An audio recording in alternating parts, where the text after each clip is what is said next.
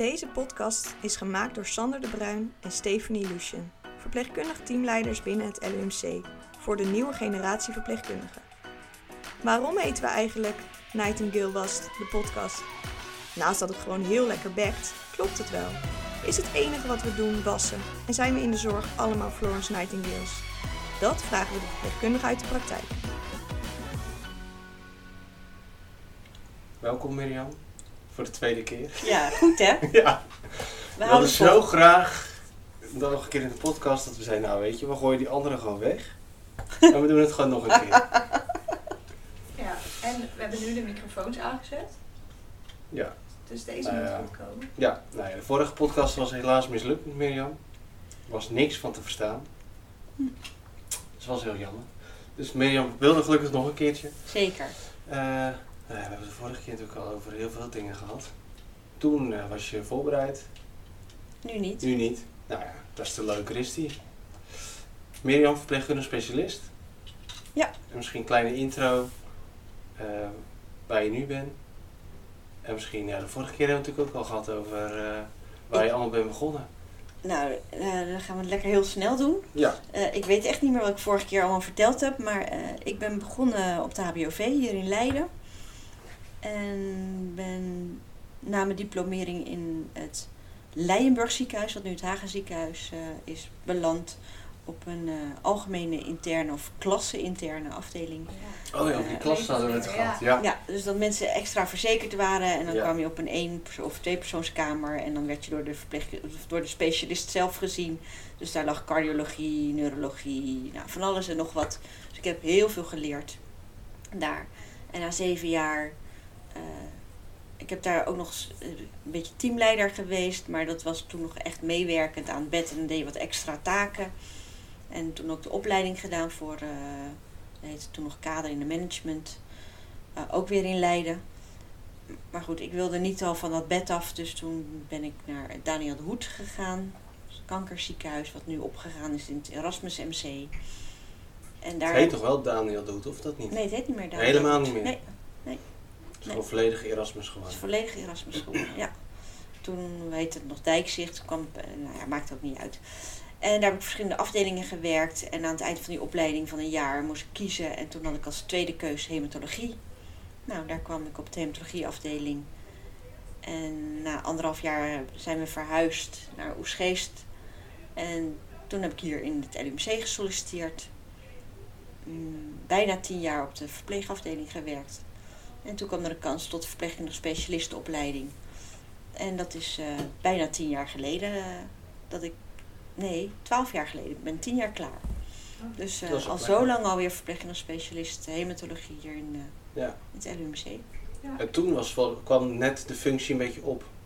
Twaalf jaar geleden, of niet? Dat was al eigenlijk, ik denk dat het al bijna twintig, nou zeker 15 jaar al echt eh speelt. Vanaf nu, of vanaf toen jij begon? Nee, toen ik begon was het een jaar of vijf. Oh ja, het is Of echt acht, eigenlijk ja. net beginnende functie. Ja.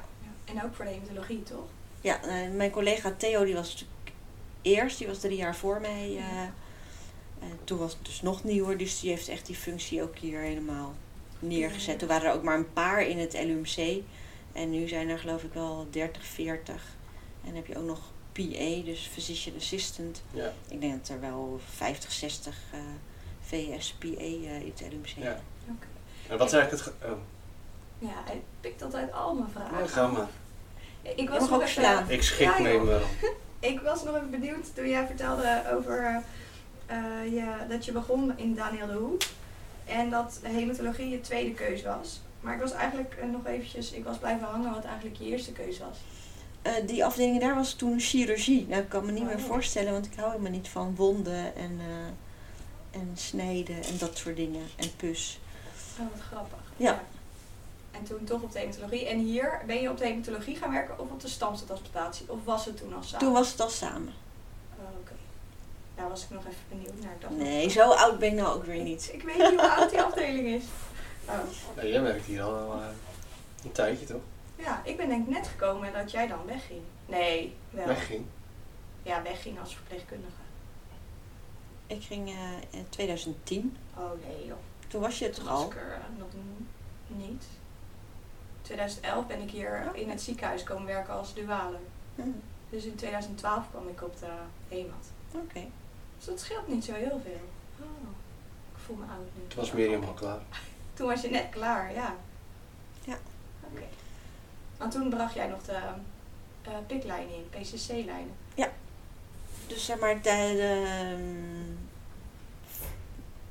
ja, dat hoorde toen bij de functie, eh, was het plan dat ik ook weer piklijnen Ja. ging inbrengen. Dus dat, er was al een clubje, die was daar al helemaal eh, eh, ingeburgerd.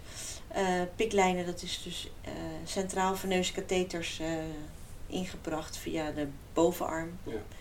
Eh, en dat deden we toen nog op de afdeling. Toen waren we nog een soort pionier. Want toen gebeurde het nog niet verder op de, eh, in het ziekenhuis. Ja. En dat is door een aantal mensen echt helemaal opgezet. En ik ben nou ja, toen geschoold om dat ook te doen.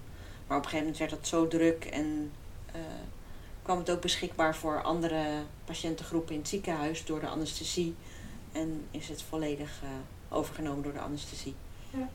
Want zijn er nog meer handelingen die je als verpleegkundig specialist doet? Eh, nu op de transplantatiepolie, dus transplantatie na stamceltransplantatie, eh, doen we ook eh beenmergpuncties. Oké. Dus dat, eh, Ja. Dat is ook wel... Oh, die vond ik altijd zo vreselijk. Ja, maar... Ja, ik hoef het niet Ja, te doen, te maar doen. dan gewoon als verpleegkundige. Als assisteren. Ja, nee, maar gewoon in dat bot. Geluid. Nee, ja, ik vond dat niks. Nee. Nee. Nou, ik ben nog steeds, want ik zei al, ik hou niet van wonden, ik hou ook niet van prikken. Ik, is nooit mijn favoriet geweest. Maar goed, die beenmergpuncties, als het eenmaal gaat, ja, is het ook gewoon een, eh, een Ja. trucje om te doen, net als dat je een venflon inbrengt. Of Nee, een, eh, zeker, dat geloof ik ook wel. eh, Ja. komt alleen wat meer voor kijken, maar en wat kracht heb je soms nodig om Ja. eh, door dat bot heen. eh. Ja. Het is wel gaaf dat je dat kan doen als verpleegkundige. ja, tuurlijk, je- het is natuurlijk Ja. eh, Ja. En wat haal je eigenlijk eh, uit die beenmergpunctie? Ja, je haalt beenmerg, maar beenmerg. Ja. wat, wat haal je er ja, qua informatie uit? Oh, zo. ik dacht al, rode bloedcellen. Ja, ja. aan informatie. Nou, je kijkt hoe de. Kijk, in het beenmerg worden je, je bloedcellen gevormd. Dus je kijkt naar de structuur van. eh, dus wat voor. Hoe is de verhouding van de cellen, witte bloedcellen, rode bloedcellen, eh, bloedplaatjes en hoe zien die cellen onder de microscoop eruit. Dus dat gebeurt allemaal op het lab. Hm. Eh, maar daar kan je ook nog meer informatie over ziektespecifiek en transformatie van, van, van een gen, van cytogenetica. Nou, dat is misschien allemaal een beetje te veel voor hier, maar je kan heel veel informatie. ja. Dus wat, is, wat voor ziekte is het? Dus wat, voor, wat zie je aan de cellen? Wat voor ziekte is het? En wat heeft kenmerken? Eh, Ja. Elke ziekte heeft bepaalde kenmerken of niet. En die kan je dan ook uit beenmerginformatie halen. ja. En op bepaalde momenten in het protocol wordt natuurlijk gekeken of de patiënt eh eh, chimeer is. Dus Ja. dat je de stamcellen van de donor hebt overgenomen. Ja, dus na die stamceltransplantatie kijk je hoeveel bloedaanmaak krijg je nog eens nog van de patiënt zelf en hoeveel procent van de donor. En het is de bedoeling dat je 100% donor wordt ja. na een allogene stamceltransplantatie. Ja. En dat doe je voornamelijk op de stamcelpolie? Ja.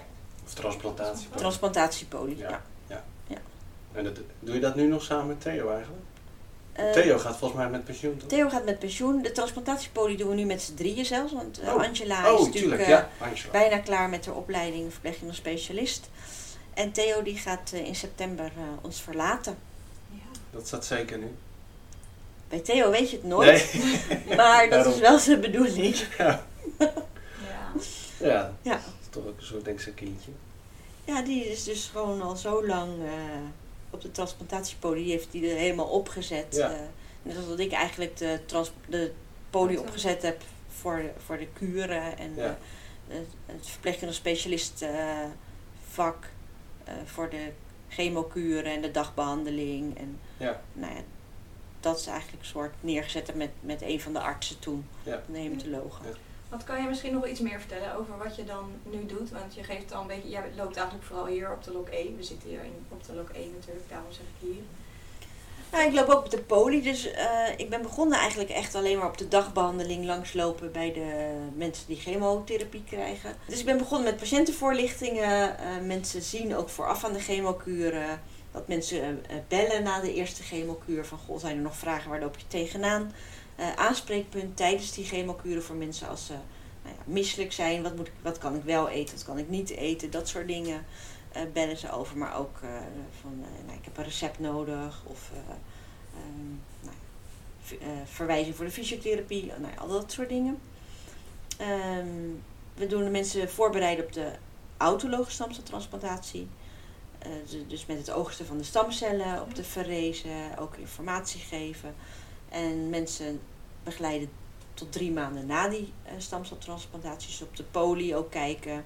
Wat is het bloedbeeld? Heb je een bloedtransfusie nodig? Eh, nou ja, hoe gaat het met, met het herstel? Waar lopen mensen tegenaan? Adviezen. Vooral heel veel zeggen van, goh, je bent goed bezig, maar het kost tijd. Eh, Ja. nou, dat soort dingen wat, je, wat elke verpleegkundige bij elke kuur denk ik wel herkent. Ehm, nou, ja, we zien mensen, we lopen visite bij mensen die eh, meerdaagse kuren opgenomen, dus met een, eh, eh, een DAP-kuur, matrixkuur, dus bij vaak lymfomen zijn dat. Dagelijks labcontrole, visite lopen en tussendoor op de poli weer zien voor bloedbeeldcontrole. Veel gesprekken. Heel veel gesprekken. Ja. Heel veel ondersteuning, begeleiding. Maar ook wel medische controle. Nierfunctie. Is dat dan wat de, wat de functie leuk maakt voor jou? Dus het zelf, eh, ik vond zelf altijd al het geven van informatie en het maken van informatie, patiënteninformatie en het ondersteunen, begeleiden van patiënten en zijn familie Ja. of partners. Dat vond ik al het leukste altijd al in, vanaf het begin. Ja, gewoon als eh, als verpleegkundige. al. verpleegkundige al. Ja. Dus ja, dat mag ik eigenlijk gewoon de hele dag doen. Ja. En daarnaast en dan zelfstandig zijn, dus zelf eh, ja, ja, agenda plannen en Ja. de mensen zien.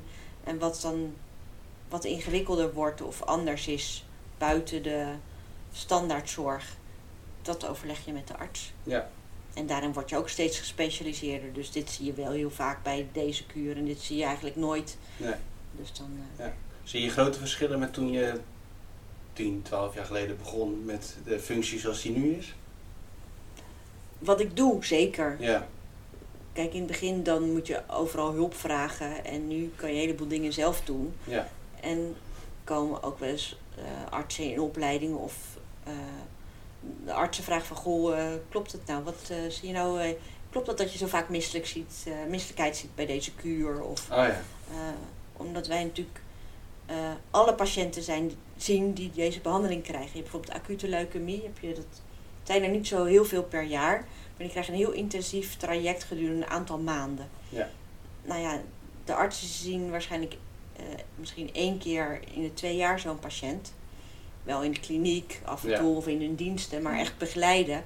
En wij zien ze allemaal. ja, Dus dat maakt dat je eigenlijk gewoon meer eh, weet welke ja. bijwerkingen er veel voorkomen en welke niet. En is het eh, ook een soort van dichter bij de patiënt? Ja, alhoewel, ja, ja, bij die patiëntengroep. Ja, dus je, je weet, je hebt gewoon meer expertise, denk ik, eh, na Ja. tien jaar. Als je tien jaar altijd dezelfde patiënten ziet, eh, Ja. patiëntengroep ziet. Ja. Maar je doet dat wel samen met de, met de arts. Dus eh, je hebt echt wel een afstemming wat de arts doet en wat de verpleegkundige specialist doet. Ja, En dat is ook weer heel leuk. Dus je werkt heel veel samen nou ja, met de verpleegkundige op de afdeling, op de dagbehandeling of eh, op de poli. Eh, maar ook met de artsen, dus de behandelend arts van de patiënt. Ja. En dat maakt het wel eh, ja, heel erg leuk Heel vak. divers ook. ja. Ja, ik vond ook altijd, eh, het klinkt misschien gek, maar als je een nieuwe leukemie op de afdeling kreeg, dan was dat voor die patiënt natuurlijk echt hartstikke ja, verschrikkelijk.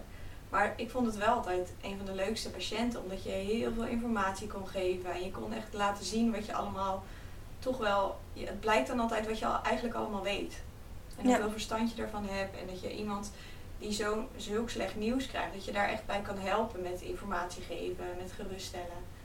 En die patiënt die onthoudt jou, Ja. de, de verpleegkundige die de eerst, dat is nu ook, als je informatie, dus al die informatie geeft, ze weten gewoon nog met wie ze dat gehad hebben. Ja. Ik had pas nog iemand op de, trans- die was op de poli bij een van de artsen en die zei, maar jij hebt toen, toen, er was nog als verpleegkundige op de afdeling het gesprek gedaan. Ja. Dat wist ik niet meer, maar die patiënten weten dat gewoon nog. Ja. ja, ik kwam van de week ook een oud patiënt tegen eh, in het zwembad.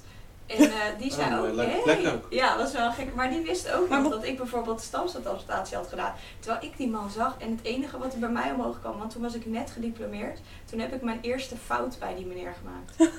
en eh, toen had ik Foscarnet gespoeld met Foscarnet in plaats van met NaCl. Toen hingen we nog de hele flessen af. Oh ja, dan moest je dus... eh, En ja. ik zag hem en dat was het eerste waar ik aan dacht. En hij zei, ja, ik weet het, jij hebt de stamcellen gegeven. En ik dacht alleen maar, ja, ik heb ook mijn eerste fout gemaakt bij jou. Ja. Ja, Ja, hij dat leeft was nog. grappig. Want, ja, hij leeft nog. Hij zei eh, van, ja, ik goed het daarna gekomen. helemaal huilend vertellen met, me, met mijn begeleider. En toen zei hij, en ga ik dan nu dood? Dus ik keek naar mijn begeleider en zij zei, nee. En toen zei hij, nou dan is er toch niks aan de hand, meid. Oh. Nou, en ja. ik was helemaal, ik vergeet het nooit meer. Ja, Ja, ja. Ja, gewoon, mooi, dat ja. soort dingen vergeet je nooit. nee. Nee. Nee, er zijn altijd patiënten die je gewoon heel erg bijblijven. Ja. eh, of eh, gebeurtenissen die bijblijven. Ja. Ja. En andersom ook. Ja, en andersom ook. En dus, dus niet alleen bij de patiënt, maar bij jezelf Ja. ook. Ja. Ja. dat is grappig. Heb jij daar een voorbeeld van? Een ander voorbeeld, eentje Een- die wel leuk is misschien. Waar je geen fout hebt geen gemaakt. Waar je geen gemaakt. fout hebt gemaakt. Nou, Maar meestal is er is iets, of er is iets gebeurd bij die patiënt waardoor het je heel erg blijft hangen. Of hij woont in je, bij je in de buurt. Of, het, komt, of, of ja. het heeft heel veel connecties met jezelf. met je eigen situatie, eh, Ja. zeker, dat heb je ook heel veel. eh, nou, ja, dat is misschien ook niet. Ik, dat, waar, je nu, waar ik altijd nog aan moet denken. Mijn kind had voor het eerst luis. Ja.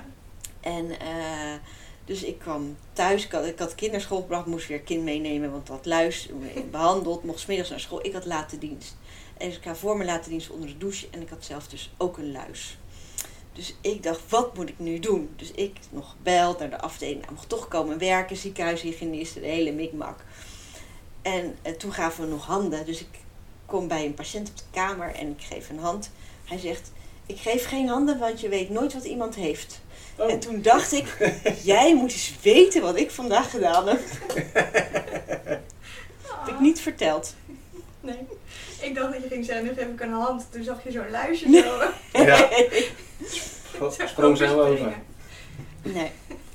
Daar moest, ik nu, Oh. daar moest ik nu als eerste aan denken. Oh, maar dat is goed, er zijn een heleboel van die dingen. Ja. Dat als je met, met collega's aan tafel zit, dan komen er dat soort verhalen Ja, natuurlijk ik ook vind wel eens. eh, altijd wel echt leuk. Vooral met wat oudere collega's die dan nog eh, wel echt eh, van lang geleden dingen nog weten. Of Ja. Een collega die eh, was, stond helemaal aan het begin toe van de AIDS bijvoorbeeld. Toen werkte ze op de infectieziekte. Oh, ik vond het heerlijk om naar haar verhalen te luisteren over hoe er toen over gedacht werd, wat ze toen deden.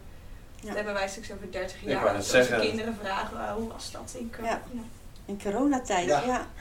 Hoe was Ja. dat? Ja, is hartstikke leuk. Hartstikke leuk. Ja. Dan liepen we allemaal met mondkapjes op. Ja. Ja, En, eh, sommigen wel twee. ja. over elkaar heen. Oh. ja. De ander doet hem alleen op zijn neus. Ja. Of, Of onder zijn de neus. Of de hele Ja. tijd eh, zo terug en dan wel overal aan zitten, Oh ja. zeg maar. Ja, ja, Dat, ja. eh, ja. Ja, die was ook wel mooi.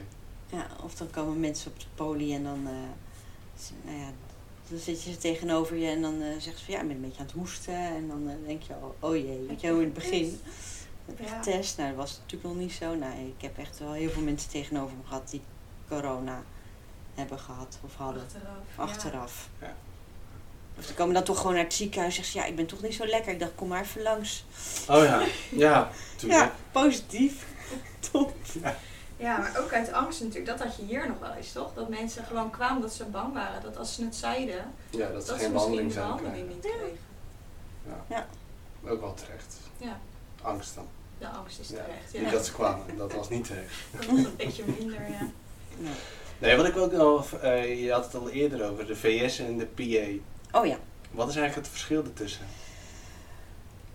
Dat hangt een beetje af van hoe eh, het specialisme het zelf inkleedt. Maar van oorsprong was de PA in het medisch domein. Dus een soort zaalarts, nee niet co-assistent, zaalartsfunctie. eh, dus ook technische handelingen, kleine operaties. Dus, dat, dus meer medisch op, opgeleid. En dan was je niet, hoefde je niet per se verpleegkundig eh, opleiding te hebben. En bij de verpleegkundige specialist is dat wel. Moet je verpleegkundige Ach, opleiding hebben. HBOV eh, eigenlijk nu. Ja, Eh, vroeger kon je nog met een assessment. Volgens mij wordt dat steeds lastiger. Maar dan moet je dus wel verpleegkundig geschoold zijn. Ja. Je kan niet als MIOV verpleegkundige specialist worden. Je moet Nu- dan eerst nu op dit moment, ja. tussenstap HBOV hebben Ja. gedaan en dan... eh, En bij PA kan je volgens mij ook gewoon fysiotherapeut zijn en dan Ja. de opleiding doen. Oh ja. HBO heb ja. Ja. Ergotherapeut, fysiotherapeut. Ja. Dus dat is qua opleiding, maar nou ja, verpleegkundig specialist is toch verpleegkundig, ja. ja.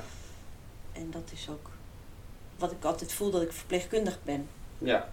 Ook omdat ik dat begeleiden en communicatie en zo eh, leuk vind om te doen. Ja. En alle gesprekken te voeren.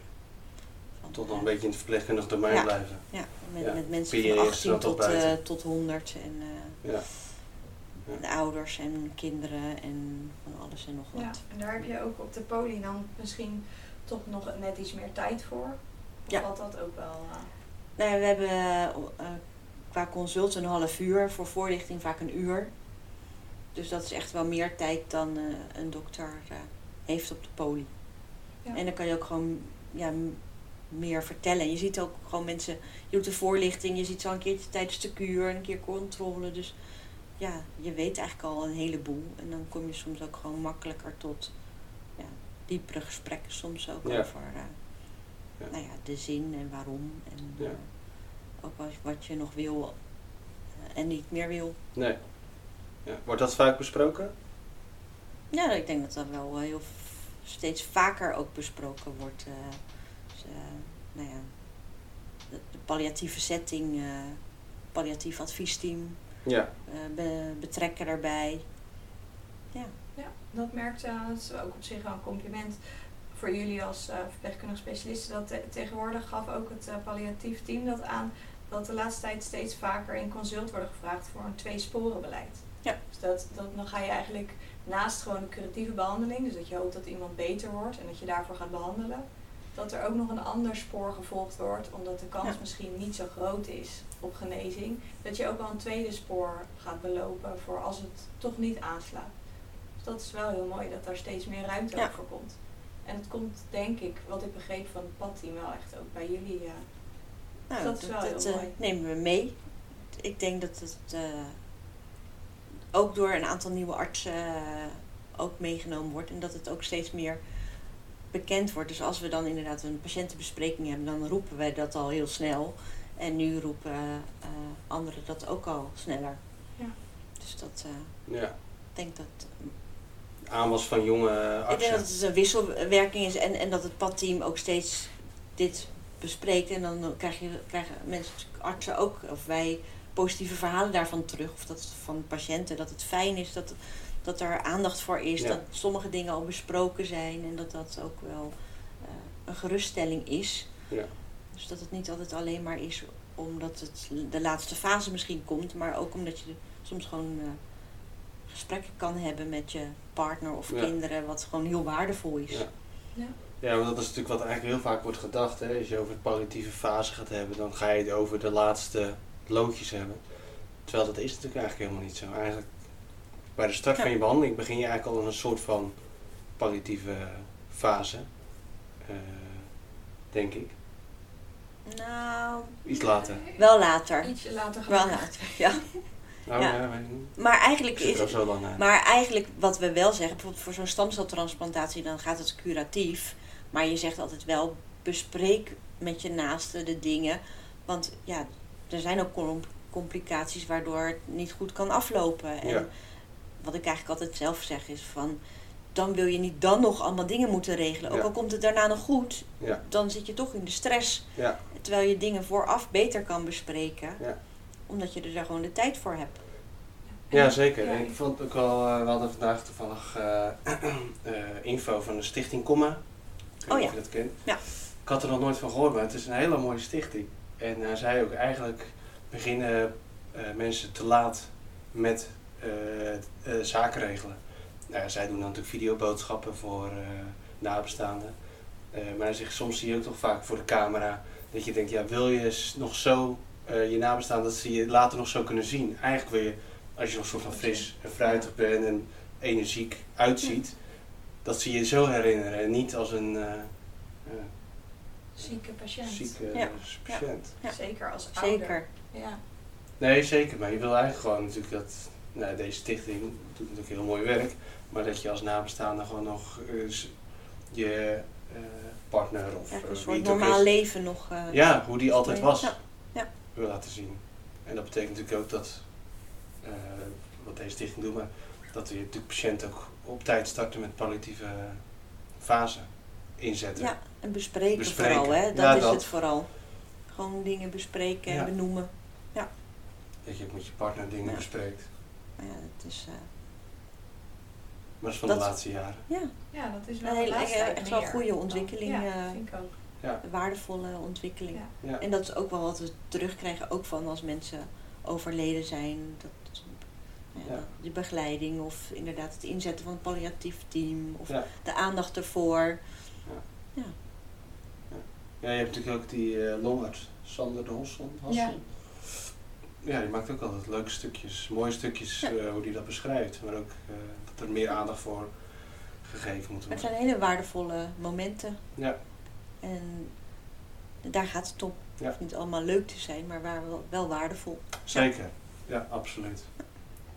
Had jij eigenlijk nog iets uit de eerdere podcast die we hebben opgenomen, dat je denkt van god, dat had ik vandaag nog willen vertellen? Nee, want ik heb het niet voorbereid. Nee, dat is waar. Ja, Wij hebben ook de vragen niet mee. Nee, maar ik weet, nou, ik weet nog, eh, want je bent- we gaan afronden al. we, gaan eh. we zitten al richting het einde, maar, maar Ja, nou, ik weet nog dat wat je inderdaad vroeg, wat wil je de, nie- wat wil je de mensen meegeven, Ja, verpleegkundigen? dat Dat, is wat ik, want daar had ik toen, in, oh, ben ik nu te snel. Nee, ga, ga gerust hoor. Is dat, ehm, nou, dat verpleegkundige dus een heel mooi gevarieerd beroep is. Dat je gewoon heel veel kant op kan. Dat er altijd wel een plekje is binnen de verpleegkunde waar je terecht kan. Of je nou wel van wonden houdt of niet van wonden. Of wel van prikken of niet van prikken. Eh, of je juist begeleiding wil of wil je eh, Actie. gewoon actie. Ja, Ja. dat er gewoon heel veel verschillende soorten eh, manieren zijn om, om het verpleegkundig beroep uit te oefenen. En of je nou wel of niet wilt doorgroeien. Er zijn zoveel mogelijkheden. En Ja. dat vind ik wel echt nou, een heel mooi beroep als je met mensen wil werken. Ja, er is meer mogelijk dan mensen denken. Ja. En verpleegkundige specialisten er een, een mooi voorbeeld van. Ja, dus ja, ik vind dat ik een hele mooie functie heb. Ja. Ja. Dat vinden denk ik heel veel patiënten ook. Je bent toch een soort eh, een middel, ja, t- ja, middelpunt. Ja, je weet alle informatie, je hebt contact met de arts, met de verpleegkundige. Je bent Ja. een beetje de speel voor de patiënt eigenlijk. Ik hoor soms dus van een arts, die, eh, pas ik een keer een arts die zei, eigenlijk had ik wel verpleegkundig specialist worden, willen worden. Gewoon ook meer, wat meer tijd voor de patiënt Ja. dan al die andere dingen. En vandaag had ik een oud verpleegkundige en die zei, wat een mooi, wat een mooi vak is dit, wat u heeft. Ja, Ja, dat hadden we toen nog niet. Nee, als ze het ook graag willen worden misschien. blijkbaar. Ja, Ja, dat is toch leuk om te horen. Ja, Ja. Ja. Nou, Wat wil jij ik nog denk, zeggen? eh, nou, ik wilde denk ik een beetje afronden. Oh, Of wilde jij, had jij nog een leuke nee, vraag? ik denk ik geef jou het woord. Een Ja. leuke vraag nog. Heb jij, heb jij nog een leuke vraag voor ons? Jeetje, dat moet je ook van tevoren Ja, stellen, eh, die vraag. eh. Vorige keer hebben we dat, al die voorbereiding gestuurd. nee, was ook niet waar. Komt er ook een podcast over teamleiding? Oh ja, die hebben we wel eens vaker gehoord. Ja. Ik denk dat we elkaar gewoon een keer moeten... Ga jij daar zitten op de bank? Of ga ik jullie interviewen? Dat kan ook. Ja, dat kan ook. Vind je dat, zou je dat leuk vinden? Oh, ja, Nou, zeker. dan gaat hij er komen. Wanneer zeggen we niet? Nee hoor, ergens een keer eh, dit jaar. Leuk. Nou, heel erg bedankt eh, voor je, dat je hem voor de tweede keer wilde opnemen ook. nu met eh, goede microfoons en goed geluid, als het goed is. Ja. Veel luisterplezier voor eh, onze luisteraars. Bedankt voor het luisteren van deze aflevering. Hopelijk hebben jullie een andere kant kunnen laten belichten van het prachtige vak verpleegkundige. Illustratie is gemaakt door Maurits van Rossum. De podcast is geëdit door Marlijn Fransen. We zien jullie graag tot de volgende aflevering.